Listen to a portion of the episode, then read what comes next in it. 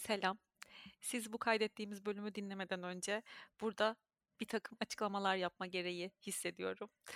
Eee, öncelikle çok sevdiğimiz hepimizin bir oyuncuyu ve de benim çok değer verdiğim bir arkadaşımı konuk almamdan mütevellit, eee, heyecan ve coşku sebebiyle normalde söylediğim bazı şeyleri söylemeyi unutmuşum.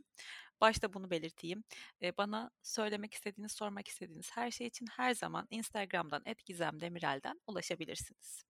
Sonracığıma, eee, Özge'nin kayıt esnasında bulunduğu evde 2 tane küçük köpek olduğu için ve bunlar da birbirleriyle dalaşan köpekler olduğu için yer yer oldukça yüksek, tiz havlamalar var.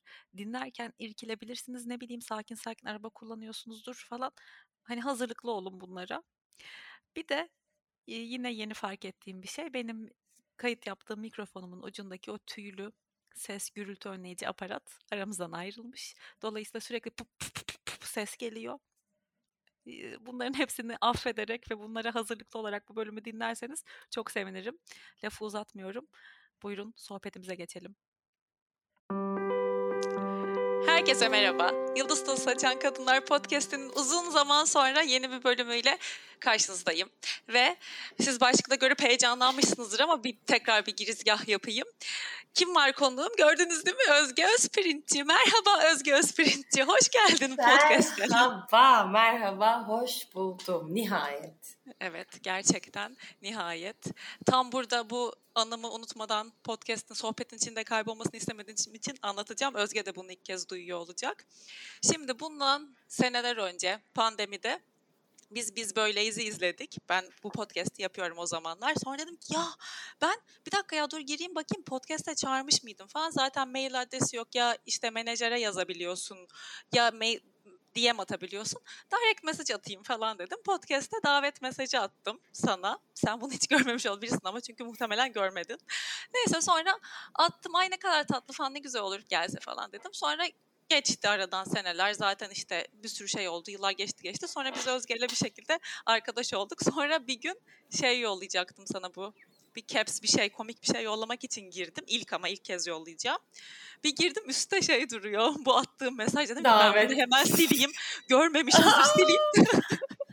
Sildin mi? Sildim evet hiç görmedim. Niye Sonra... sildin? Belki bu podcast'i çok daha önceden yapacaktık silmeseydi.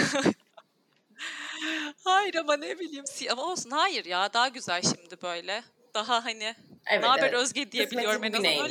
Özge Hanım nasılsınız olacak. Ay yok artık. falan. Evet, şimdi bu şeyin podcast'in bu bölümünün ilk sorusu hep fix. Sen bize Özge Özprintçi kimdir birazcık bahseder misin? Of ne zor bir soru. Yani bu soru benim yıllardır, yıllardır demeyeyim 30'umla birlikte gelen, beni de meşgul eden, terapi seanslarımın çoğunun baş köşesinde yerini bulan bir soru. Yani ben kimim? Ee, tabii ki insanların beni tanıdığı bir özge var. Ama onun dışında nasıl bir özge var? Kim? Ee, güzel yemek yemeyi seven, güzel sohbet seven, e, hayatı hafif yaşamayı tercih eden ama bir taraftan da aşırı duygusal olup çok yüksek empatisi olan, kimi zaman hayatında bunun dengesini kurabilmekte zorlanan, e, insanlara bazen çok güzel şeyler söylediğini zannedip aslında onları e, kıran, e, bazen de e, insanların çok güzel şeyler söylediğini zannettiği ama kırılan bir insanım aslında. Ve böyle hani hep çoğunluğun iyiliği için, e, çoğunluğun güzelliği için çabalayan ama bazen de bundan dolayı şevki kırılan ve e, değmez abi ya falan diye tatlı bir serzenişte bulunan bir insancığım aslında ben. Ne güzel tatlı tatlı anlattın be Özge. Teşekkür ederim. Özellikle şimdi böyle şey içsel e, bir tanıtım oldu seninle ilgili. Ben böyle daha şeylere alışıyorum işte. E, şurada okudum, şu, şu yaşımdayım, şimdi bunu yapıyorum falan ya gibi. Ya işte kimlerin karşılığı o kadar o değilmiş ki aslında.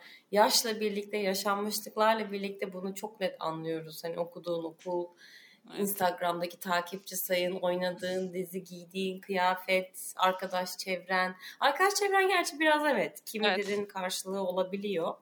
Ama geri kalan her şey gerçekten böyle çok basit e, şeyler evet. olarak kalıyor. Kesinlikle evet.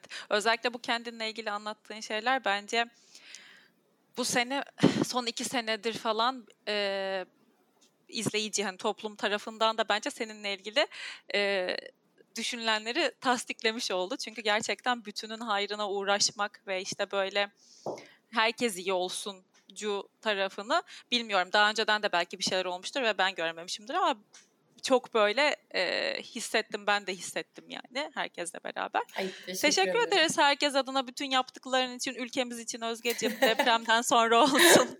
Seçim döneminde ya, olsun. Evet. Teşekkür ederiz. Yani en az en az yapabileceğimin en azını yaptım. Kesinlikle daha çok şey yapabilirdim, yapabilirdik.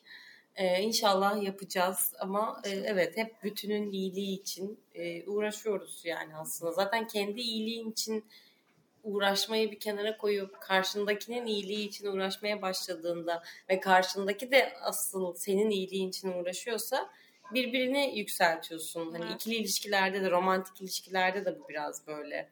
Sen onu düşünüyorsan, o seni düşünüyorsa ve o zaman karşılıklı böyle bir karşı konulamaz yükseliş. bir yükseliş oluyor.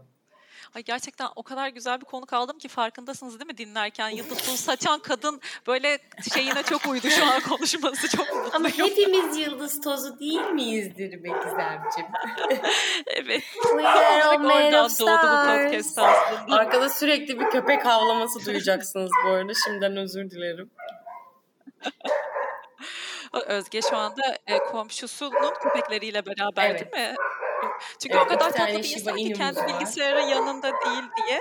Değil. Evinde komşusunun bilgisayarıyla podcast'e bağlandı. Böyle evet. de bir insan be. Komşum Gürcan abi sağ olsun bana bilgisayarını ödünç verdi.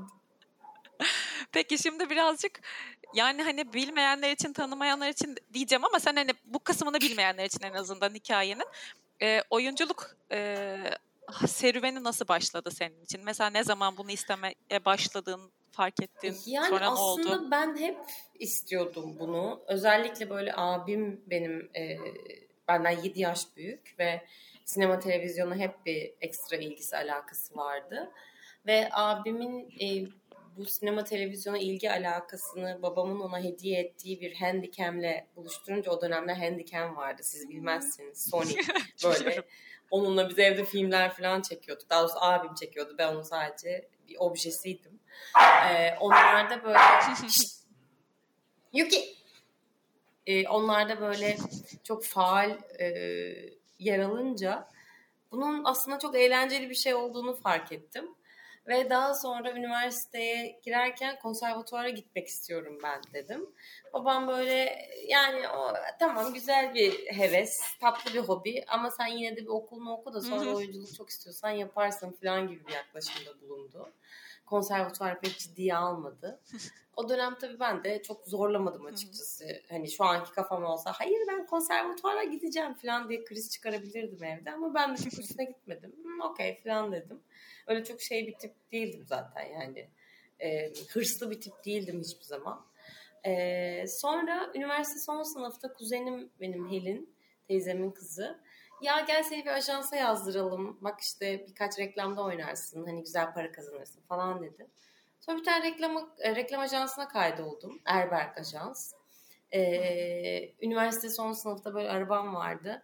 İşte e, okula gidiyor. Bizim okul bir de Akfırat'ta yani Gebze'de. Anasının nikahında. Ona gidiyordum. Oradan auditionlara gidiyordum falan filan. Böyle reklamlar başladı. Bir iki tane reklam oldu. Ondan sonra bir gün bir tane dizi teklifi geldi. Ee, bir audition istediler. Gittim diziye audition verdim ama hiç yani olacak gibi görmüyorum onu. Ama oldu bir şekilde. Ve o şeyle birlikte e, macera ile birlikte bir serüven başladı. İkisi aynı kelime aslında ama e, o yüzden böyle bir şey oldu benim için e, değişik bir deneyim olarak başlayıp bir anda mesleğime dönüştü. Onu sahiplendim. E, güzel oldu yani hoşuma gidiyor şu anda buna mesleğim diyebilmek. Evet bunun okulunu okumadım Ama büyük bir e, adanmışlıkla bu mesleği yerine getirmeye çalışıyorum. Ve tam Hayır. 15 yıl olmuş. Bak mesleğimin 15. yılı. Bu da kutlu olsun hayatım mesleğin 15. yıl podcastimizde. Teşekkür ederim. Benim benim ne kadar yaşları yaşımın büyüdüğünü gösteren de bir şey bir taraftan. Tabii 22 yaşındaydım o zaman. Şimdi 37 yaşındayım.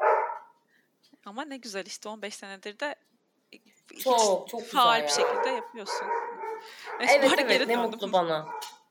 Evet ve- yani bizim meslekte ben yaşı ve geçen süreyi hep böyle bir kazanç gibi görüyorum. Ee, çok hoşuma gidiyor. Yani ben 50 yaşında da 60 yaşında da 70 yaşında da bunu yapmaya devam etmek istediğim için Hmm, yaş almak meslekte bana mutluluk veriyor aslında. E, Çok da haklısın. Çünkü bir de hiç hiç e, olmadığın olmadı değil mi? Yani bu şeyi geçiyorum şimdi. Televizyonda olmadığın olmadı. Hiç son bir sene haricinde. Ee, televizyonda olmadığım evet olmadı aslında. Yani erken biten dizilerim oldu, reytinge kötü gelen diziler oldu vesaire. Ama e, gerçekten her sene e, televizyonda yer aldım bir şekilde bir yerden. Peki üniversitede ne okudun sen? Ben üniversitede business management okudum. Bak ya. Nereden Sabancı business management mezunuyum. Evet. Ama o şey bir klasiktir. Bu arada ben de bir önceki gerçi bunu ne zaman yayınlayacağım? Bence evet hem e, bir sonraki yayınlayacağım bölüm bu olur. O yüzden son koyduğum bölüm çok istemek ve vazgeçmek diye bir bölüm koydum. Orada bütün bu işte ne okudum, ne yaptım hikayemi anlattım. Tabii ki kelimeler bile birebir aynı. Bu çok güzel bir meslek. Sen onu yine hobi olarak oku ama başka Tabii. bir hani başka bir şeyin olsun. Sen onu da hobi Evet. olarak yaparsın. Aynı cümle. Neyse ki devam etmişsin ve şu an işte 15 Hobimizi senedir. mesleğimize çevirdik. Ne Evet. mutlu bize. Evet gerçekten iyi ki bunu yapmışsın. Çünkü biz seni gör ben ben çok seviyorum seni görmeyi. Eminim dinleyenler Ay, de teşekkür seviyordur. ederim. Bu arada Çok yani bu podcast'in bir noktasında ilk ve son konuşacağız ve Deniz'i konuşacağız. Bunu hani bekleyenler varsa benimle beraber onu bir beklesinler. Oraya gelecek konuşalım. Ay tatlı tatlı. Gerçekten. Normal Denize ettirmem. ilerliyorum. Etmem ki zaten. Ben çok seviyorum. Hayatta etmem. Sonuna kadar arkasındayım. evet bu Evet. sor, aslında birçok soracağım soruyu kendin e, cevapladın. E, şu an yaptığın işi severek yaptın da tabii ki bu e, hikayeden ve bütün anlattıklarından biliyoruz zaten gördüklerimizden de. Peki e, yani çok zorlandığın şeyler oldu mu? E, çok zor meslek olarak soruyorum. E, neler seni zorladı böyle özellikle ilk girdiğinde hani daha nasır tutmamışken e, neler seni zorladı? Ee, ya çok komik. Melekler Korusu'nu çekerken o zaman Hümeyra'nın kızını oynuyordum. Ee, ağlamak beni çok zorluyordu. Çünkü böyle 22-23 yaşındayım. Hayat çok basit, hafif. Hiçbir dert tasa yok, travma yok. Hiçbir şeyi e, derin yaşamıyorum. E, ve böyle her şey yüzeysel aslında. Şimdi buradan bakınca görebiliyorum tabii ki. Ve o dönem ağlamak beni çok zorluyordu. Yani sete gidiyorum böyle aşırı mutluyum o gün. Ve full ağlama sahnesi çekeceğim mesela diyelim. Ve böyle şey oluyordum. Ya ben bugün nasıl ağlayacağım arkadaşlar? Ben bugün çok mutluyum. Ne yapacağım? Falan diye düşünürken e, ve bunu böyle Hümeyra ile paylaşıyordum. Çok tatlı Hümeyra. Allah uzun ömür versin. Hep şey diyordu. Evet. Seni bu hayatta ne üzer diyordu mesela. Ben de böyle 22-23 yaşım verdiği o salaklıkla işte penguenlere çok üzülüyorum falan diye böyle. O zaman penguenleri düşün. Penguenlerin öldüğünü düşün falan diyordu böyle. Ben böyle sürekli gözüme o tear stick denen o mentollü berbat o stick'i böyle soka soka soka soka ağladığım sahneler oldu. Sonra tabii ben bunu dediğim için muhtemelen hayat bana şöyle dedi. Ha senin travman yok mu tatlı? Dur bakalım. Tamam. Demek sen bunu istiyorsun dedi ve böyle bana 25'imden sonra arka arkaya çat çat çat çat diye tokat tokat vurdu. Ama sonuçta Şimdi mesela çok kolay bir şey. sonuçta şu an buradasın ama işte onlar da tokat tokat tokat, Aynen. tokat oluyor. Öldürmeyen güçlendirdi be Gizem. Evet, kesinlikle yani. Ya bazen tam olarak iyi ki diyemiyoruz böyle şeyler için. Yani iyi ki de değil belki ama hani olmasaydı da sen şu anki sen olmayacaktın. O yüzden Değil ya mi? hepimiz için geçerli bir cümle Tabii, bu. tabii. Ee. Yani başımıza gelen şeyler olmasaydı biz şu anki insan olmayacaktık. Belki çok daha manyak bir şey olurdu ya da çok daha kötü bir şey olurdu bilmiyorum ama kıyaslayacağım bir başka benlik yok kendime. Yani keşke şöyle olsaydım ya da keşke böyle olsaydım diyeceğim bir insan yok hayatımda. Kendimi öyle gördüğüm bir rol model, mesleğimde ya da sosyal hayatımda gördüğüm biri olmadığı için şu anki olduğum insandan çok e, şeyim, huzurluyum diyebilirim. Hallettin ya falan diye böyle omzuma pat pat yapıyorum.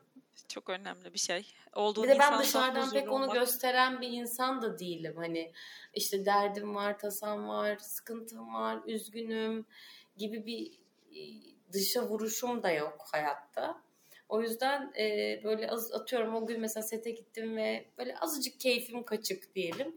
Hemen insanlar yanıma gelip ne oldu bir şeyim var bir sıkıntım mı var falan derler ve orada şey olurum böyle aa yok demek ki ben bugün bugün de üzgün olmaya hakkım yok tamam peki falan deyip böyle yine bir full enerjiyle Of giriş yapmaya ya. çalışırım ortamlara.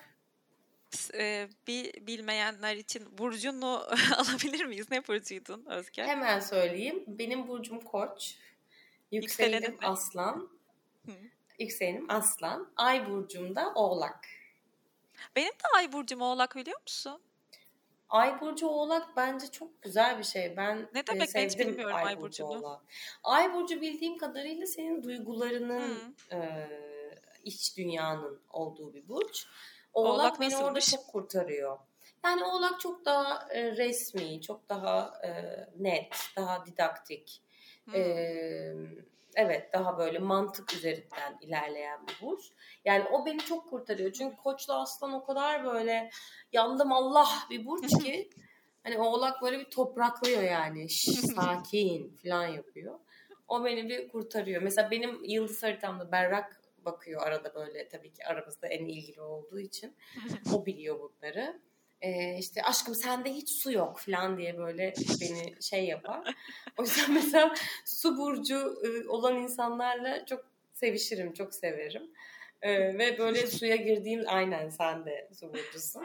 Ee, su, su grubu beni mutlu eder. Bir de suya girmek, suyla oynamak da beni çok rahatlatır. Mesela kızım da öyle. Merco da yaya koç. Ee, o Hmm. da alev alev. Ee, onun da neyse ki ay burcu terazi. O da oradan yırtıyor. Ee, bir yerden bir şekilde yırttık yani Yağmur da terazi. Evet yağmur da terazi. Ay yağmur.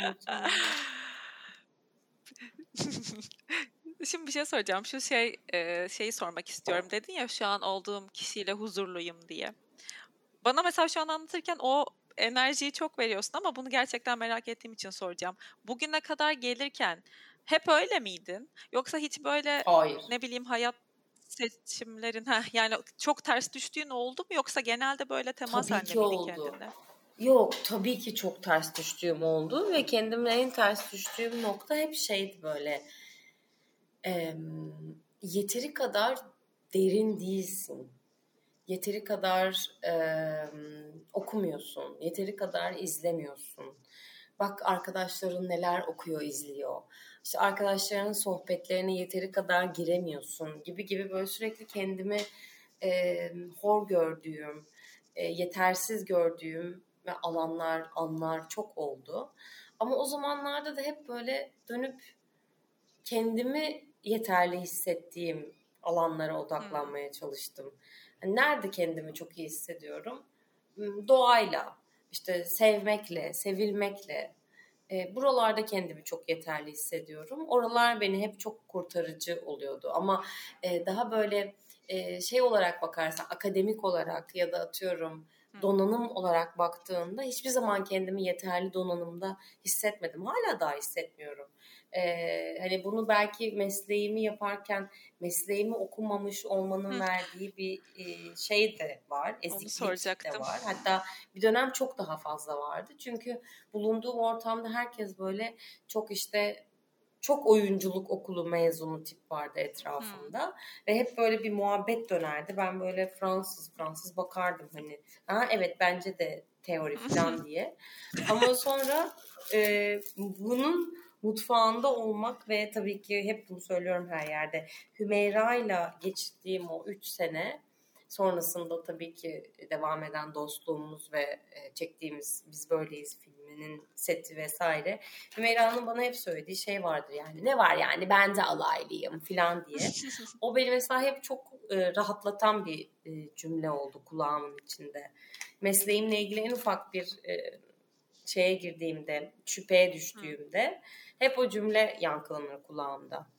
O beni çok rahatlatan bir şey oldu. İşte bence bizim meslekte, diğer birçok meslekte de olduğu gibi bir mentora ihtiyacın oluyor ve usta çırak ilişkisine. Ee, benim ustam o oldu. Ben öğrendiğim her şeyi ondan öğrendim ve hep de işte buna iyi ki diyorum yani gerçekten.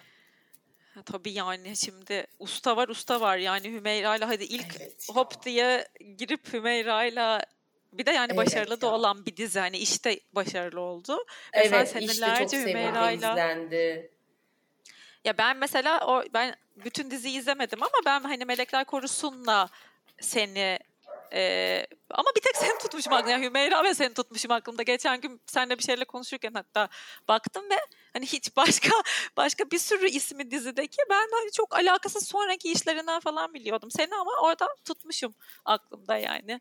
Ya o, evet orada çok anne güçlü bir anne Evet çok güçlü bir anne kız ilişkisi vardı. Hani bir taraftan güçlü bir taraftan sağlıklı evet. bir taraftan sağlıksız gibi gibi ama e, dönüp baktığımda gerçekten e, iyi ki dediğim işlerimden bir tanesi odur kesinlikle. Peki. Ee, şöyle bir bakacak olursak dönüp e, böyle seni e, yaptığın ya buna bir cevap bir tanesinin kesin ilk ve sondur yani vereceğin cevaplardan da böyle en böyle abi bu karakteri de iyi ki oynadım yani bu bana yani hakikaten çok iyi geldi oynamak ve çekmek ve hani ona geçirdiğim o sette geçirdiğim zaman da bana çok iyi geldi dediğin e, işler ya da roller hangileri? Hmm. Ee, tabii iyi ki oynamışımdan kastımız ne? Atıyorum e, mesleğimdeki karşılığımı, bana yaşattığı kişisel haz mı? Daha kişisel haz olarak soruyorum. Değer mi? Ha, kişisel haz olaraksa e, bir tanesi Ağır Roman diye bir dizi vardı. Çok kısa sürdü. 10-11 bölüm sürdü. Orada Zehir Ahu diye bir karakter oynuyordum. O gerçekten böyle kişisel olarak bana çok büyük haz vermişti. Çünkü çok böyle mahallenin tomboy kızıydı. İşte e, bir tecavüz çocuğuydu.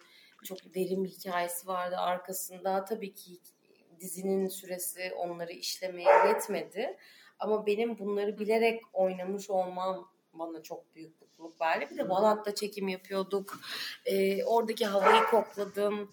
O çok güzel bir şeydi. Kadın tabii ki benim için her zaman e, çok özel bir yeri olan bir iş. Çünkü e, şey böyle e, bir işin motoru olmayı hissettim. Tabii böyle cümle bir kurunca berbat geliyor kulağa ama e, ne derler onu bulacak. Onun başka bir şeyi var.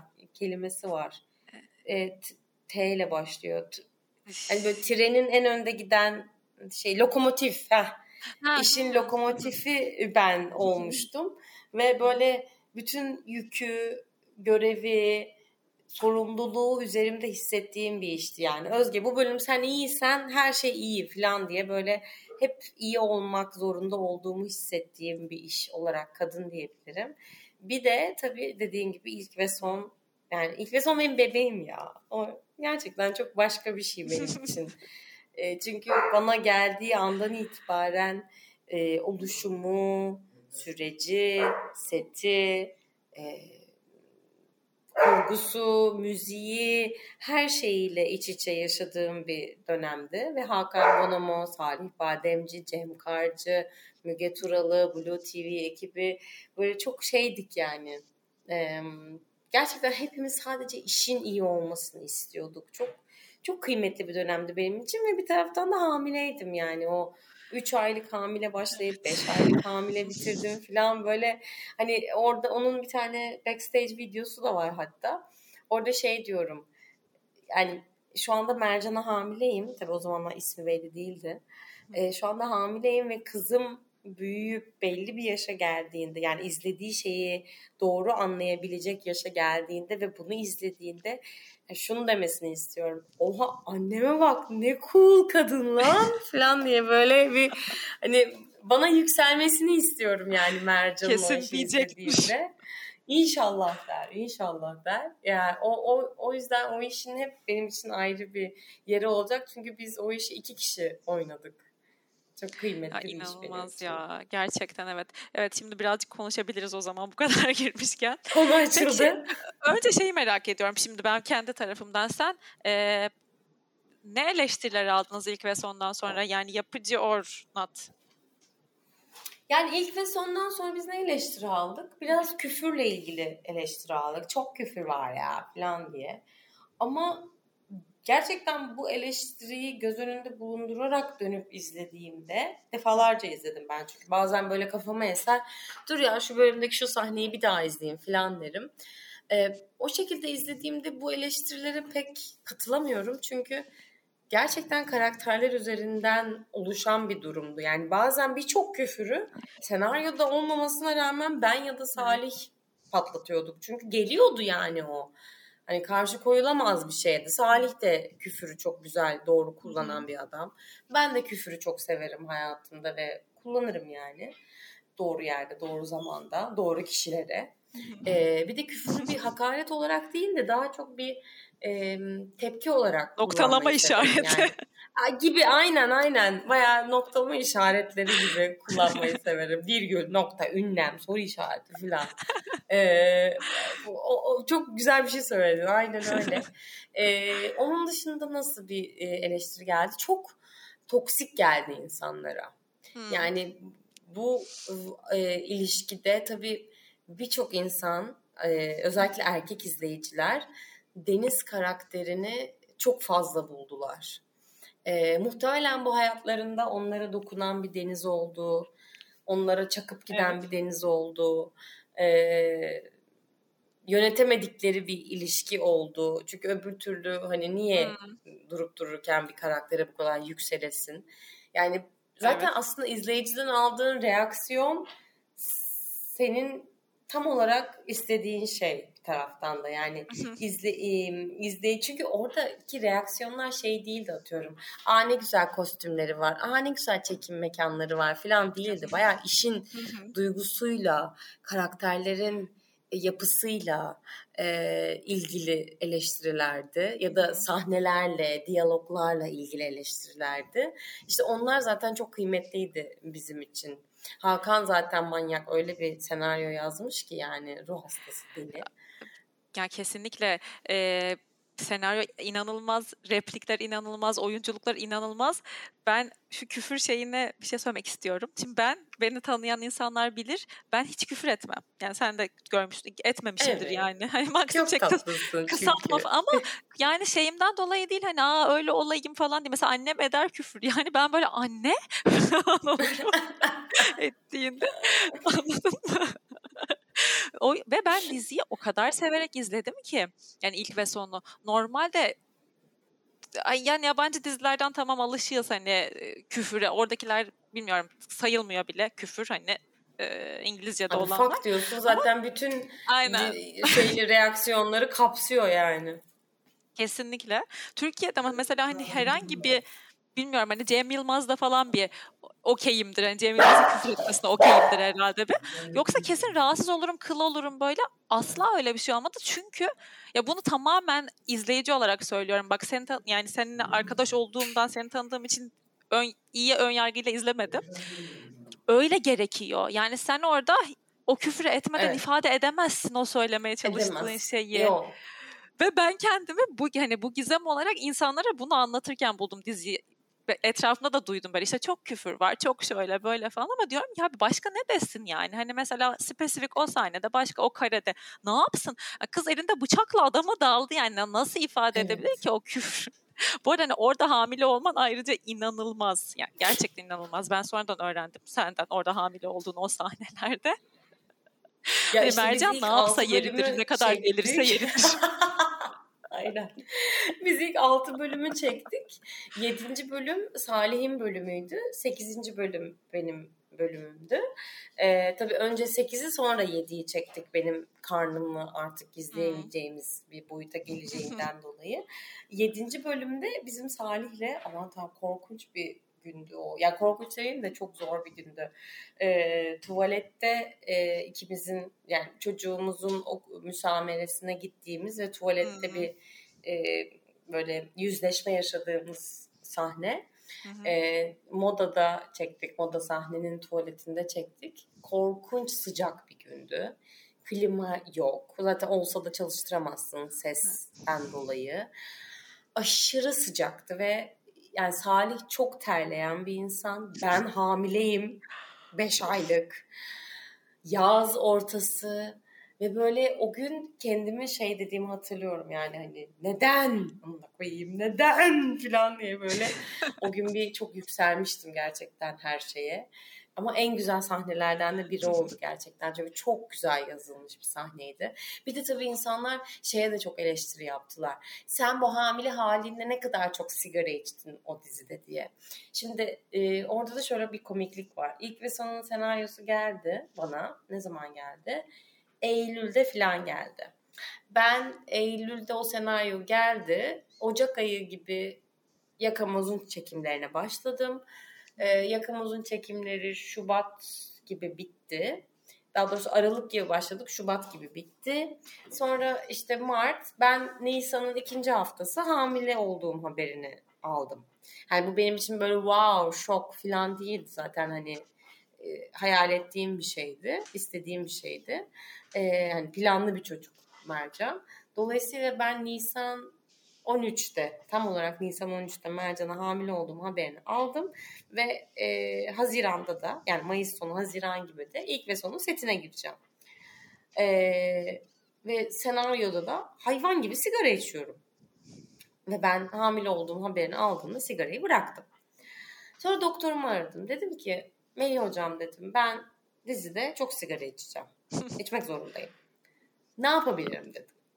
Ee, dedi ki Özge bu böyle dedi şeylerde satılır dedi. Eminönü'nde falan satılıyor dedi. Boş sigaralar. Onun içine böyle makinelerle tütün dolduruyor insanlar normalde.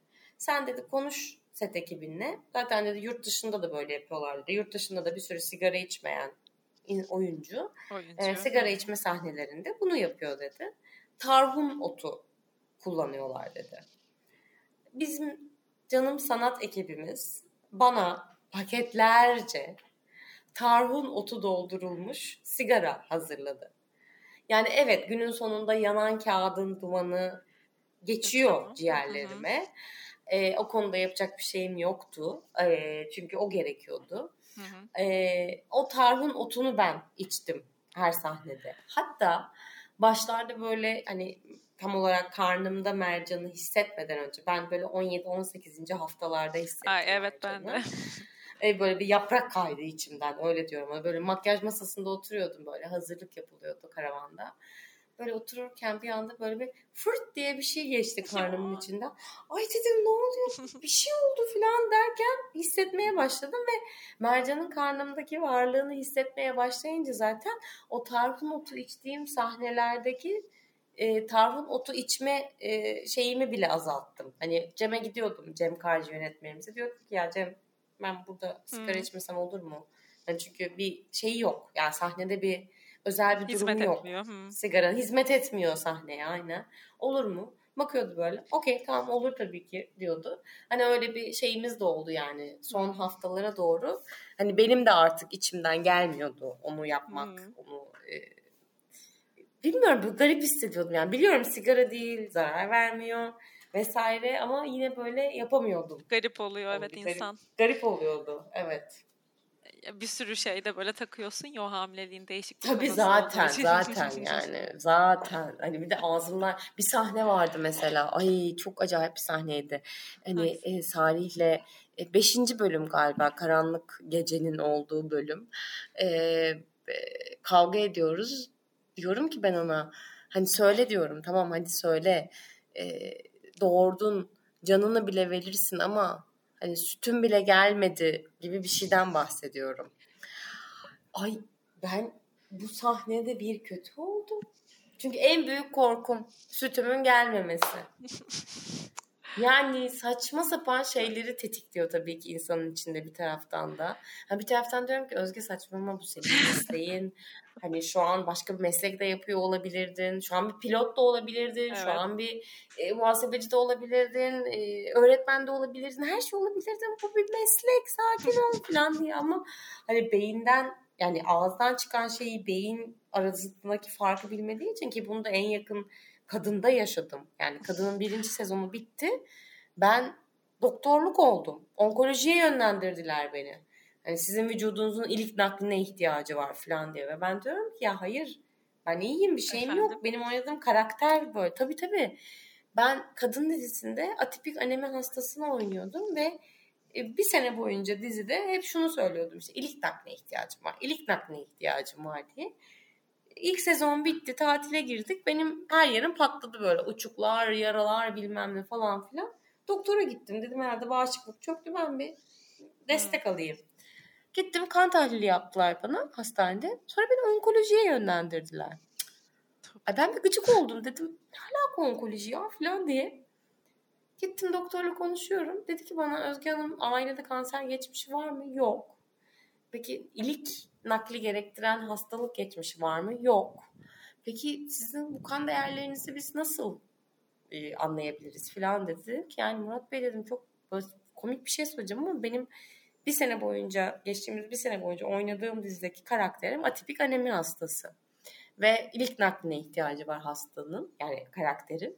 Dolayısıyla ben bir sene boyunca böyle konuştum durdum. Adam böyle oldu. Hmm dedi. Ne demek hmm dedim yani koskoca bilim insanısınız siz. Oynadığım rolle bunu nasıl şey yapabilirsin? Ve orada o doktora zaten çok saygı duymuştum. Adam demişti ki Özge Hanım beyinle beden bir. Siz sürekli eğer ağzınızla sesli bir şekilde benim ilik nakline ihtiyacım var deyip bir sene boyunca haftanın 5 gün 12 saati topallarsanız bedeniniz beyninize diyor ki biz hastayız. Biz hastayız biz hastayız.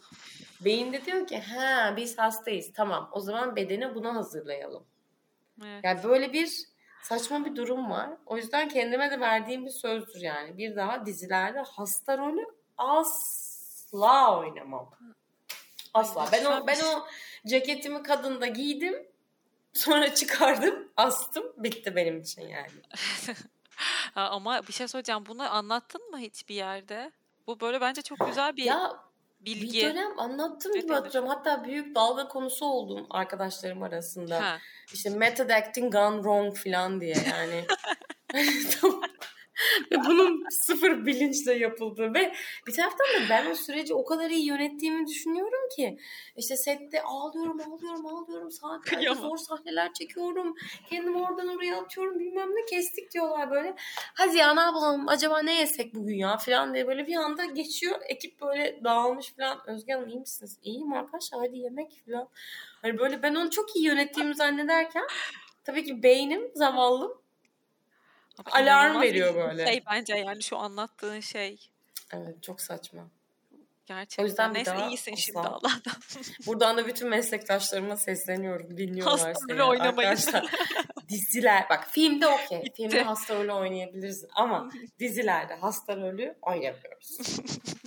şey sektör no. çalkalandı ve içerik üretilemedi bu açıklamadan sonra. sektör çöktü değil mi? Bizim canımız acımadan döner mi ya burada neyse. Yok. Peki. Peki şöyle mesela şey e, yabancı işlerde de olabilir. Burası Türkiye için söylemiyorum hatta. E, Türkiye'yi kapatalım. Böyle yurt dışında falan izlediğimiz böyle son çok eskiye gitmeyelim. Son 10-15 seneden bahsediyorum. Böyle Aa, keşke oradaki o rolü oynasaydım dediğim bir rol Succession. Ya biliyordum hangi Succession. Kim? Şiban mı? Yok Brian Cox. Ha onu oynayacaksın. Ben yani evet Logan Roy. Yani gerçekten benim son dönemde izlediğim performans bazında senaryo, yapım, proje tasarım, prodüksiyon Ya her şey, her şey gerçekten Succession hala telefonum öyle çalıyor. İlk bölümü O çok izlediğimden güzel beri. ya. Jenerik müziği de çok güzel Yani gerçekten. ah, gerçekten o diziye rüyalarıma falan girdi. Ben terapi seanslarıma konu oldu benim bu dizi ya. Gerçekten mi ya? Gerçekten çok Spoiler verme. beni yok asla vermem asla. Ama beni o kadar etkiledi ki bu dizi. Yani şu anda onun yerine hiçbir şey koyamıyorum. Büyük bir boşluktayım. Ee, başa dönüp tekrar izlemek istiyorum. Bir Succession beni çok etkilemişti. Bir e, Sense8'te çok etkilenmiştim. Ben izlemedim Çok Sense8'i. sevmiştim Ama biliyorum herkesin Sense8'i, çok sevdiğini. Sisters'ın. Evet. Bir Euphoria'da çok etkilendim. Hmm. Euphoria'nın hele bazı bölümlerindeki reji beni böyle aklımı kaybetmiştim yani ona. Ee, başka şeyi izlememiştim bak yıllarca bana bunu Berrak söyledi izle izle izle diye hep böyle he yapıyordum pandemide patlattım onu çok iyi geldi Six Feet Under Biz de onu bir iki sezon izleyip Tufan'da bıraktık ve kesinlikle devam etmemiz Ah! gerektiğini düşünüyoruz. Bıraktık biliyor musun Lütfen. kaldı. ne Herkes olur çok devam edin bunu da. Tamam izleyeceğiz. Dizi, bitsin gerçekten. ona geçelim. Evet Succession bitsin ona geçin. Hatta yani Six Feet Under'a geçince bir anda şey gibi oluyorsun. Böyle PlayStation'da atıyorum e, şu an adını hatırlamıyorum oyunun. E, ama bir oyun var böyle hani her sene yenilenen yeni versiyonu çıkan. Hı hı. Ve o oyunun böyle son bölümünü oynadıktan sonra ilk bölümünü oynadı yani ilk versiyonunu oynadığındaki o yaşadığın o piksel şoku diyeyim ona ne diyeyim. Yani böyle ay biz bunu nasıl oynadık evet. ya falan diye böyle Six Feet Under'da da bayağı öyle oluyorsun yani hani böyle bir o nostalji bir tokatlıyor seni. Onu biraz hatırlıyorum. içerik olarak Evet, içerik da olarak güzel. çok Ya, çok iyi bir dizi gerçekten çok iyi. Yani bütün aslında Orada günümüzde izlediğimiz bütün dizilerin şeyi evet var. Ee, çok böyle bildiğimiz de bir kadın oyuncu. Ee, bütün günümüzde izlediğimiz dizilerin aslında temelini oluşturan bir dizi. Evet biri daha Bir yani de- bir yerde daha böyle diyorlardı. O da ilgimi bir de BoJack. Horseman Evet, benim evet. şeyim. Fetişim. BoJack ya. BoJack gerçekten Onun da metni Çok çok, iyi. iyi ya. Yani çok böyle ya, kesinlikle psikolojiyle ilgilenen birisinin var yani. Yüzde bir milyon. Yüzde bir milyon yani o annesinin cenazesi bölümü ve o denizaltı bölümü benim böyle top 5'imde falan Hmm. duruyor. Çok iyi. Ama e, BoJack Horseman'ı oynamak istemiyordun herhalde değil mi? Yok Soruma evet tabii ki. Yani. BoJack Horseman'ın seslendirmesi falan olabilir en fazla yani ne olacak. Peki şimdi e, geçen gün gerçi Instagram'da paylaştın ama buradan da belki görmemiş insanlar vardır. Şimdi ne bekliyor seni bu aradan sonra? Biraz onu anlatmak ister misin? Şimdi ne bekliyor beni? İsterim tabii ki. E, hayatımda ilk defa tiyatro yapacağım. Çok heyecanlıyım. E, ve çok güzel gelişti süreç gerçekten. Böyle e, Bahriye Hanım'ın, dadımız, Bahriye Hanım'ın izinde olduğu bir süreçte böyle e, Merco'yla işte full 7-24 bir aradayız. E, genelde de zaten öyleyiz aslında. Ama işte onunla öğlen uykusuna yattığında ben de böyle yanına uzanıp dinleniyordum, kitap okuyordum falan. Kitap almıştım bir tane. Hep takip ettiğim bir yazar Nermin Yıldırım'ın son çıkan kitabı Bavula Sığmayanı. Ee, onu almıştım böyle. Ee, ve o dönemde tam benim şey dönemiydi. Aile dizisinde e, olmayacağım haberini aldığım ve böyle üzüldüğüm bir dönemdi. Ee, ne kadar kibarım değil mi? Ee, ve böyle evde böyle üzülüyordum falan filan. Sonra bu kitabı aldım. İlk öyküyü açtım okuyayım diye. Öykünün adı Aile Yalanları. Böyle şey oldu. Ha siktir lan falan deyip kapattım böyle öyküyü.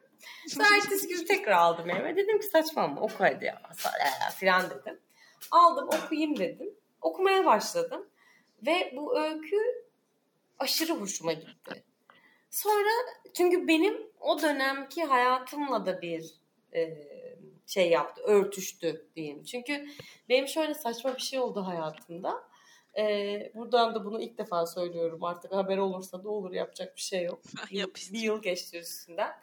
Ben Loğusayken 40 günlük filandım Mercan'a. Annemle babam boşandı. Ve e, senin gayet iyi bildiğin bir şey. E, ve o dönem böyle biraz zor geçmişti benim için Loğusalıkla birlikte. E, ve bu hikayeyi okurken de, bu öyküyü okurken de benim o dönem yaşadığım zorluklara atıfta bulunan anlar vardı. Daha kara mizah tercih edilerek anlatılmış. Hani bugün ben de kara mizahı tercih ederek anlatıyorum hı hı. o dönemi ama tabii o dönem öyle olmuyor. Ee, ve böyle bir o örtüşmeler de beni bir etkiledi ve dedim ki ya bir dakika bu öyküde bir şey var dedim. Bitirdim öyküyü. Çok hoşuma gitti.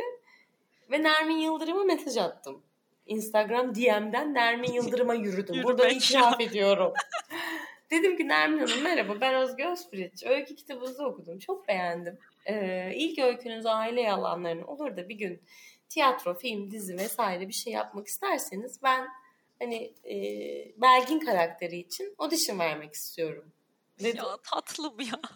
Ve Nermin Hanım bana yaklaşık bir yarım saat içinde cevap attı.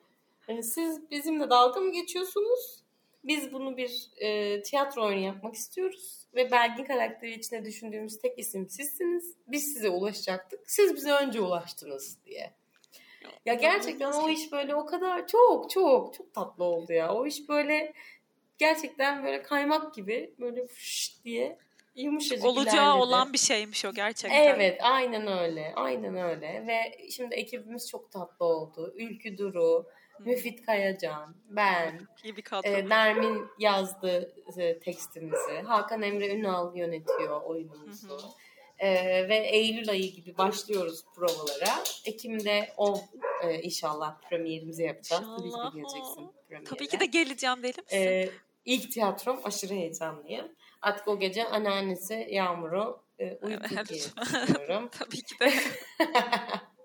bir şekilde ee, uyusun abi kendi yolunu bulsun yani. Abi uyumuyorsa da o da gelsin gerekirse. Otursun anneannesiyle. Ee, otursun izlesin. ee, ve e, tabii bir hafta sonra da anneanneyi çağıracağım tabii ki tamam. de e, oyuna. E, bur bundan sonra da e, bir tane dijital iş imzaladım e, bir yapım şirketiyle. E, o öyle bir durum var. Onun dışında şu anda netleşen bir şey yok. Ulusal kanallar için birkaç senaryo okuyorum. Henüz daha bir şeye e, vurulmuş değilim. Bugün bir şey okudum. Biraz beğendim gibi ama daha tam emin değilim.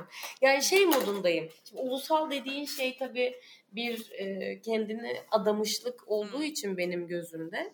E, Mercan'ı bırakıp hani Mercan bırakıp derken yani o da benimle tabii ki sete gidip gelecek. Ama sette olduğum zaman aklımın evde olmasını kompanse edecek bir hikaye olmadığı sürece ulusala bir şey yapmak e, taraftarı değilim. Yani öyle bir peşinde koştuğum bir durum yok. Hı hı. O yüzden şu anda net olarak söyleyebileceğim bir tek bu var. Bence çok iyi zaten. Tiyatro baş başına Teşekkür çok ederim. iyi. Bir de dijital platformda bir şey yani ben evet, onu çok evet. merak ediyorum. Çok güzel bir olacak de, bence. Bir de Hakan tabii ki ilk ve son ikinci e, sezonunu yazıyor. Ha? Evet.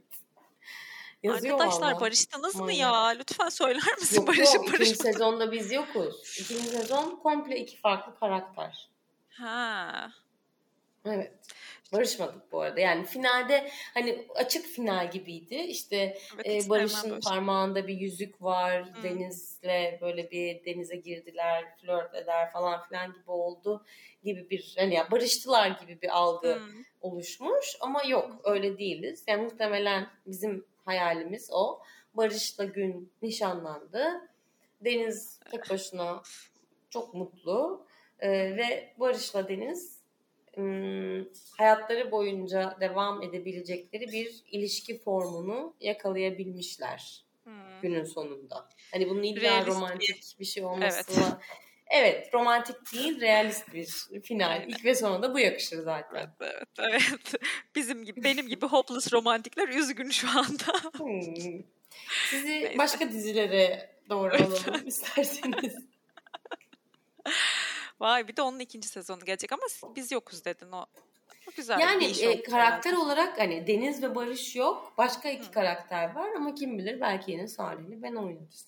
Kim bilir? Ha, öyleli. Aa ne güzel olur. Bence Peki böyle şey olur. e, şey var mı? Şöyle bir karakteri oynamak istiyorum. Yoksa onu da denizde tükettin mi oynamak istediğin karakter? Ya aslında ben e, onu bayağıdır diyorum. Böyle bir mm, aksiyon istiyorum. Yani Burak'la hatta çok istiyoruz onu. Böyle e, son dönem Netflix'te ya da başka platformlarda da izlediğimiz böyle çok cheesy aksiyon filmlerinde falan da böyle hani e, çocuğunu kurtarmak için seferber olan bir anneyle baba. Hoş falan diye hani oralara biraz böyle istiyoruz Burak'la. Çünkü ikimiz de fiziksel olarak çok aktif insanlarız. Hı hı. Ee, ve bunu seviyoruz aktif olma durumunu. Öyle bir şeyimiz ne var. güzel Hani olur. aksi, ak- evet evet ikimiz böyle bir aksiyon dizisi, filmi neyse öyle bir şey istiyoruz.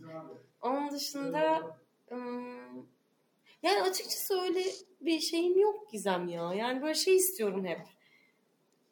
Her yaşama uygun bir rolü oynamak istiyorum. Yani çünkü ben hiçbir zaman şey de olmadım böyle atıyorum. E, Lolitalığa da koşmadım. Hı. Atıyorum işte olduğumdan daha güzel görünmeye de çalışmadım. Gerçeklik üzerine kurmaya çalıştım kariyerimi. Neyse peki o zaman ben sana bir soru daha Evet. soracağım şimdi.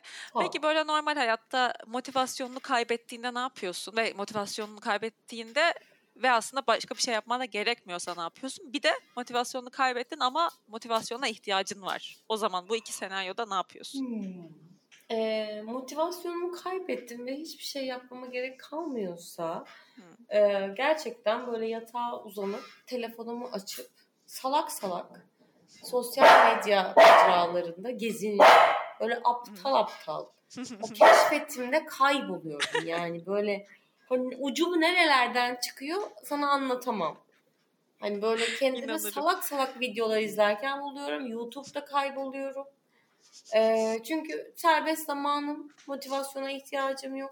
Ha motivasyona ihtiyacım varsa ve kendimi yine boşlukta hissediyorsam e, hemen böyle bir bir kendime küçük bir pep talk saçmalama kendine gel sen bunu yapabilirsin senin o tuvalette yaptığın gibi bugünü çıkarabileceksin gibilerinden. Onu yapıp hemen bir küçük spor ve ben spor olayını e, YouTube'la hallediyorum. Pandemide bu bize Burak'la Hmm. bulaştı. E, gerçekten pandemiden biz Burak'la herhalde six pack'le çıkan nadir insanlardan ikisiyiz. Çünkü yani pandemi boyunca yaptığımız tek şey Mad Men izleyip spor yapıp e, arkadaşlarımızla poker oynamaktı. Yani hani tek yaptığımız aktivite buydu. Bekar zamanlarımız. Hey gidi. Ee, ve o onun bana kazandırdığı, pandeminin bana kazandırdığı güzel şeylerden biri oldu gerçekten o YouTube'da spor yapma durumu. Ee, açıp hemen YouTube'dan küçük bir spor, sonra bir güzel bir yemek, bir şey ya da bir yürüyüş. En güzeli tek başına güzel bir yürüyüş. O böyle beni bir tatlı bir motive ediyor. Yani yalnız başıma vakit geçirdiğim zaman motive oluyorum aslında. Çok haklısın bu konuda. Ben de genelde böyle bu düşüklüğü yaşıyorsam çok insan istemiyorum. Kendi kendimi Evet toparlamaya ben de. Evet, aynen. Aynen. Ay çok da güzel konuşuyorsun ama epey de zaman geçti. Seni de hem çok tutmak istemiyorum. Daha da Estağfurullah. Ne demek. Aslında bir sürü de aklıma şey geliyor ama dur peki o zaman şöyle toparlayayım bir. Ee, Hı. bir bir şeysel bir şey sorayım. Şimdi bir sürü genç e, genelde beni dinleyen genelde genç kızlar. Kitle Ay çoğunluk güzel. öyle yani. Evet. Şimdi Harika. eminim bu işi yapmaya ilgi duyan insanlar vardır. Daha önce de oyuncu konuk almadım deyip kimseye de şey yapmak istemiyorum. Almış da olabilirim ama yani bu kadarını almadım en azından. bir anlatmak istedim. Bu kadar. Ne? Ben... söylemek istediğin hatta e, alaylı olmakla ilgili de yani hani başka bir bölümü bitirip de bu işi yapmak isteyenlere de mesela olabilir.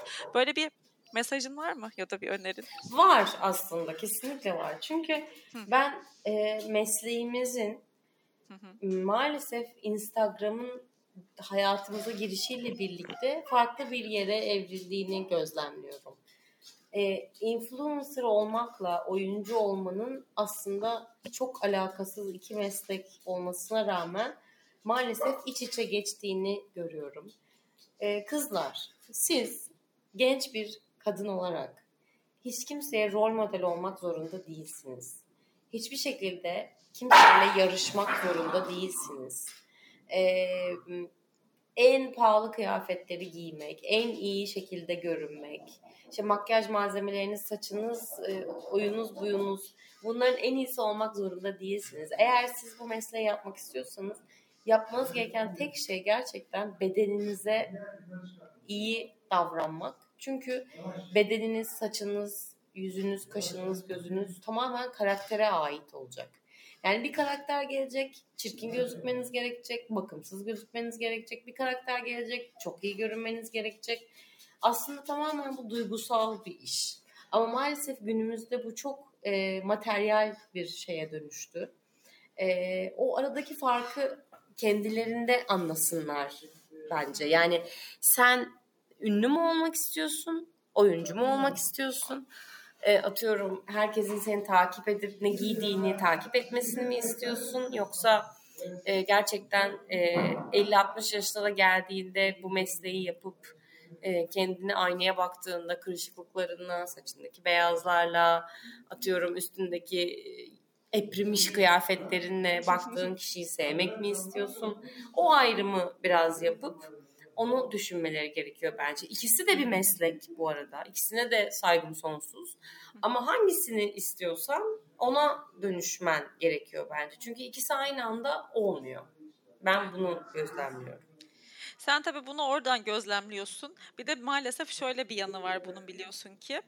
Ee, bu kategorilere nasıl ayrılıyor bu meslekte bilmiyorum ama şöyle söyleyeyim. Yeni e, bu işe girmek isteyenlere artık çoğunlukla sosyal medyada takipçisi olan insanlardan seçildiğini. Resmen, resmen. Ve peki bunu ben... bana bile takipçi soracaklar ya. ya. İşte onu demek istiyorum. Hani sana sormuyorlar diyelim ama böyle bir böyle bir şey var ve ben bunu var. kitap çıkartırken yaşadım. Belki ben bunu bir bölümde anlatmışımdır kesin. Çok ünlü bir çok ünlü derken yani iyi, çok ünlü demeyeyim de iyi bir yayın evi, birkaç tane yayın eviyle görüştüm. Ee, kibarca reddettiler işte şey yolladım, taslağı yolladım, metin, kitabın metnini. Reddettiler. Şimdi şey yapamıyorum çok fazla da yani cümlelerden zaten bunu çıkarttım söyledikleri şeylerden. Sonra girip Allah Allah bunlar kimlere kitap çıkarmış acaba diye baktığımda minimum 20 bin takipçili işte kişisel gelişim kasan e, hesaplara sadece bak bir tane bile yok no name insan bir tane bile. Ya bu sanat ya bu. Yani hani biri edebiyat, biri o kadar çok iç içe girdi ve e, kavramlar birbirine karıştı ki zaten. Maalesef günümüzdeki en büyük sıkıntı o. Ben bazen böyle Instagram keşfete düşüyorum. Keşfet demişim, arşive düşüyorum. E, her gün bakıyorum işte. Sen her gün düşüyorsun zaten. Evet. Ya, aynen arşivlerde böyle 10 yıl önce yani 10 yıl önce koyduğum fotoğrafa bakıyorum gerçekten sadece sanat kasmışım, perspektif aramışım. Ee, onun peşine düşmüşüm falan böyle. Ee, ve e, o dönemden bu dönemeki evriliş bence hiç güzel değil. Bence de değil. Ee, ama maalesef evrildi. Yapacak bir şey yok. Yani bir taraftan ya ayak uyduracaksın ya direneceksin. Ama direnebilmen için senin de bir e, altyapın ve bir donanımının olması Hı-hı. gerekiyor. İşte buradan genç kadın arkadaşlarıma söyleyebileceğim şey kendinizi farklı yerlerden donatın. Donat. Donat. ne güzel bir şey söylüyordun. evet ya niye bunu yaptın? Pardon. Affedersin. Görüntünün de etkisi var burada. Siz tabii şimdi bunu dinliyorsunuz sadece ama şu anda biz Gizem'le karşı karşıyayız. Donat yani hiç beklemediğim bir yerden geldin ya. Evet. Seni beklemediğin yerlerden vurmayı seviyorum evet, Gizem. Evet. Emirden korusunda da böyle aşırı hangover'ım falan deyip seni böyle dağ tepe çıkartıyorum. İnanılmaz ya. Dik yani 90 derece yokuş tırmandık nefes nefese bir de hayat konuşuyoruz yani. E, yaptık onu evet. İnşallah daha çok yapacağız. İnşallah. Ay çok teşekkür ederim. Çok güzel bir sohbet ben oldu. Ben teşekkür ederim. Benim Sana ne kadar olduğunu oldu. söyleyeyim. Tam ne kadar? tam bir saat bir dakika olmuş. Oha! Evet. Bir saattir konuşuyor muyuz? Evet, evet. Bir de bunun öncesinde şeyimiz var. E, yani e, teknik arızaları giderme sürecimiz var bir de bir 10-15 dakika. Bugün Özge'ye dedim ki Chrome'dan açılıyor zen kayıt. hani tek söylediğim cümle buydu. Chrome'dan açıldığı için hani Chrome olsun olur mu dedim. Özge dedi ki bir dakika bir dakika şu an beni terimlerinle çok korkuttun. Hayır ama şey filan da dedin. Yok Zencast, yok Google Meet Pardon, bilmem evet. böyle şey oldum. Bir dakika ya şu anda benim hayattaki tek terim deniz, kum, güneş, mercan. Yedi mi? Uyudu mu? Sen şu an bir yengeç gibi yaşadığın için haklısın. tabii tabii aynen böyle geziyorum ben. Ay neyse oh süper. Tadını çıkar. İnşallah geleceğim. Teşekkür ederim. Ee, Evet hadi gel. çok teşekkür ediyoruz Özge. Özge Özprint'ciğim. Ben bu teşekkür podcast'e ediyorum. katıldığınız için. Ben çok teşekkür ediyorum. Ee, e, geç kalınmış bir buluşma diyorum. Ee, ve bundan belki de birkaç ay sonra tekrar yaparız diyorum ve garip olan şey seninle bir bir saatlik konuşmanın içinde hiçbir şekilde Yağmur ve Mercan konuşmamış olmamız bana bir garip hissettirdi kendimi. Yalan yok yani sonuçta. evet tabii ana şeyimiz bu olduğu için. Evet evet evet resmen ama evet Yağmur'la Mercan da var bir taraftan. Yağmurlar Ee, ve Mercanlar bebek- vardır. Vardır. Anne bebek e, bir de başlığım var. Orada böyle genelde hani Heh, bizim Aynen, gibileri konuk bir alıyorum da bir gün Tamam. bir gün ona da bekleriz o zaman seni. Orada bol bol konuşuruz. Aynen inşallah kendi laptopumdan ya da ikimiz bir arada yaparız bunu. Belki Birlikte sen. Bodrum'a gelince yaparız. evet olur. Mikrofonumla gelirim. Neden olmasın? Mikrofonla gel onu istediğin zaman yayınlarsın artık. Tamam. tamam. O zaman e, tekrar dinleyenler adına da sana teşekkür ediyorum hayatım. Çok Ben güzel bir teşekkür böyle ederim. içten tatlı tatlı anlattın. Teşekkür ederiz. Dinleyenlere de teşekkür ederiz. Evet çok sağ bölümde- olun. Bir saat boyunca bize tanıklık ettiniz. Teşekkür ederiz. evet. O zaman bir sonraki bölümde görüşmek üzere. Herkes kendine çok iyi bak- baksın. Hoşçakalın. Hoşçakalın.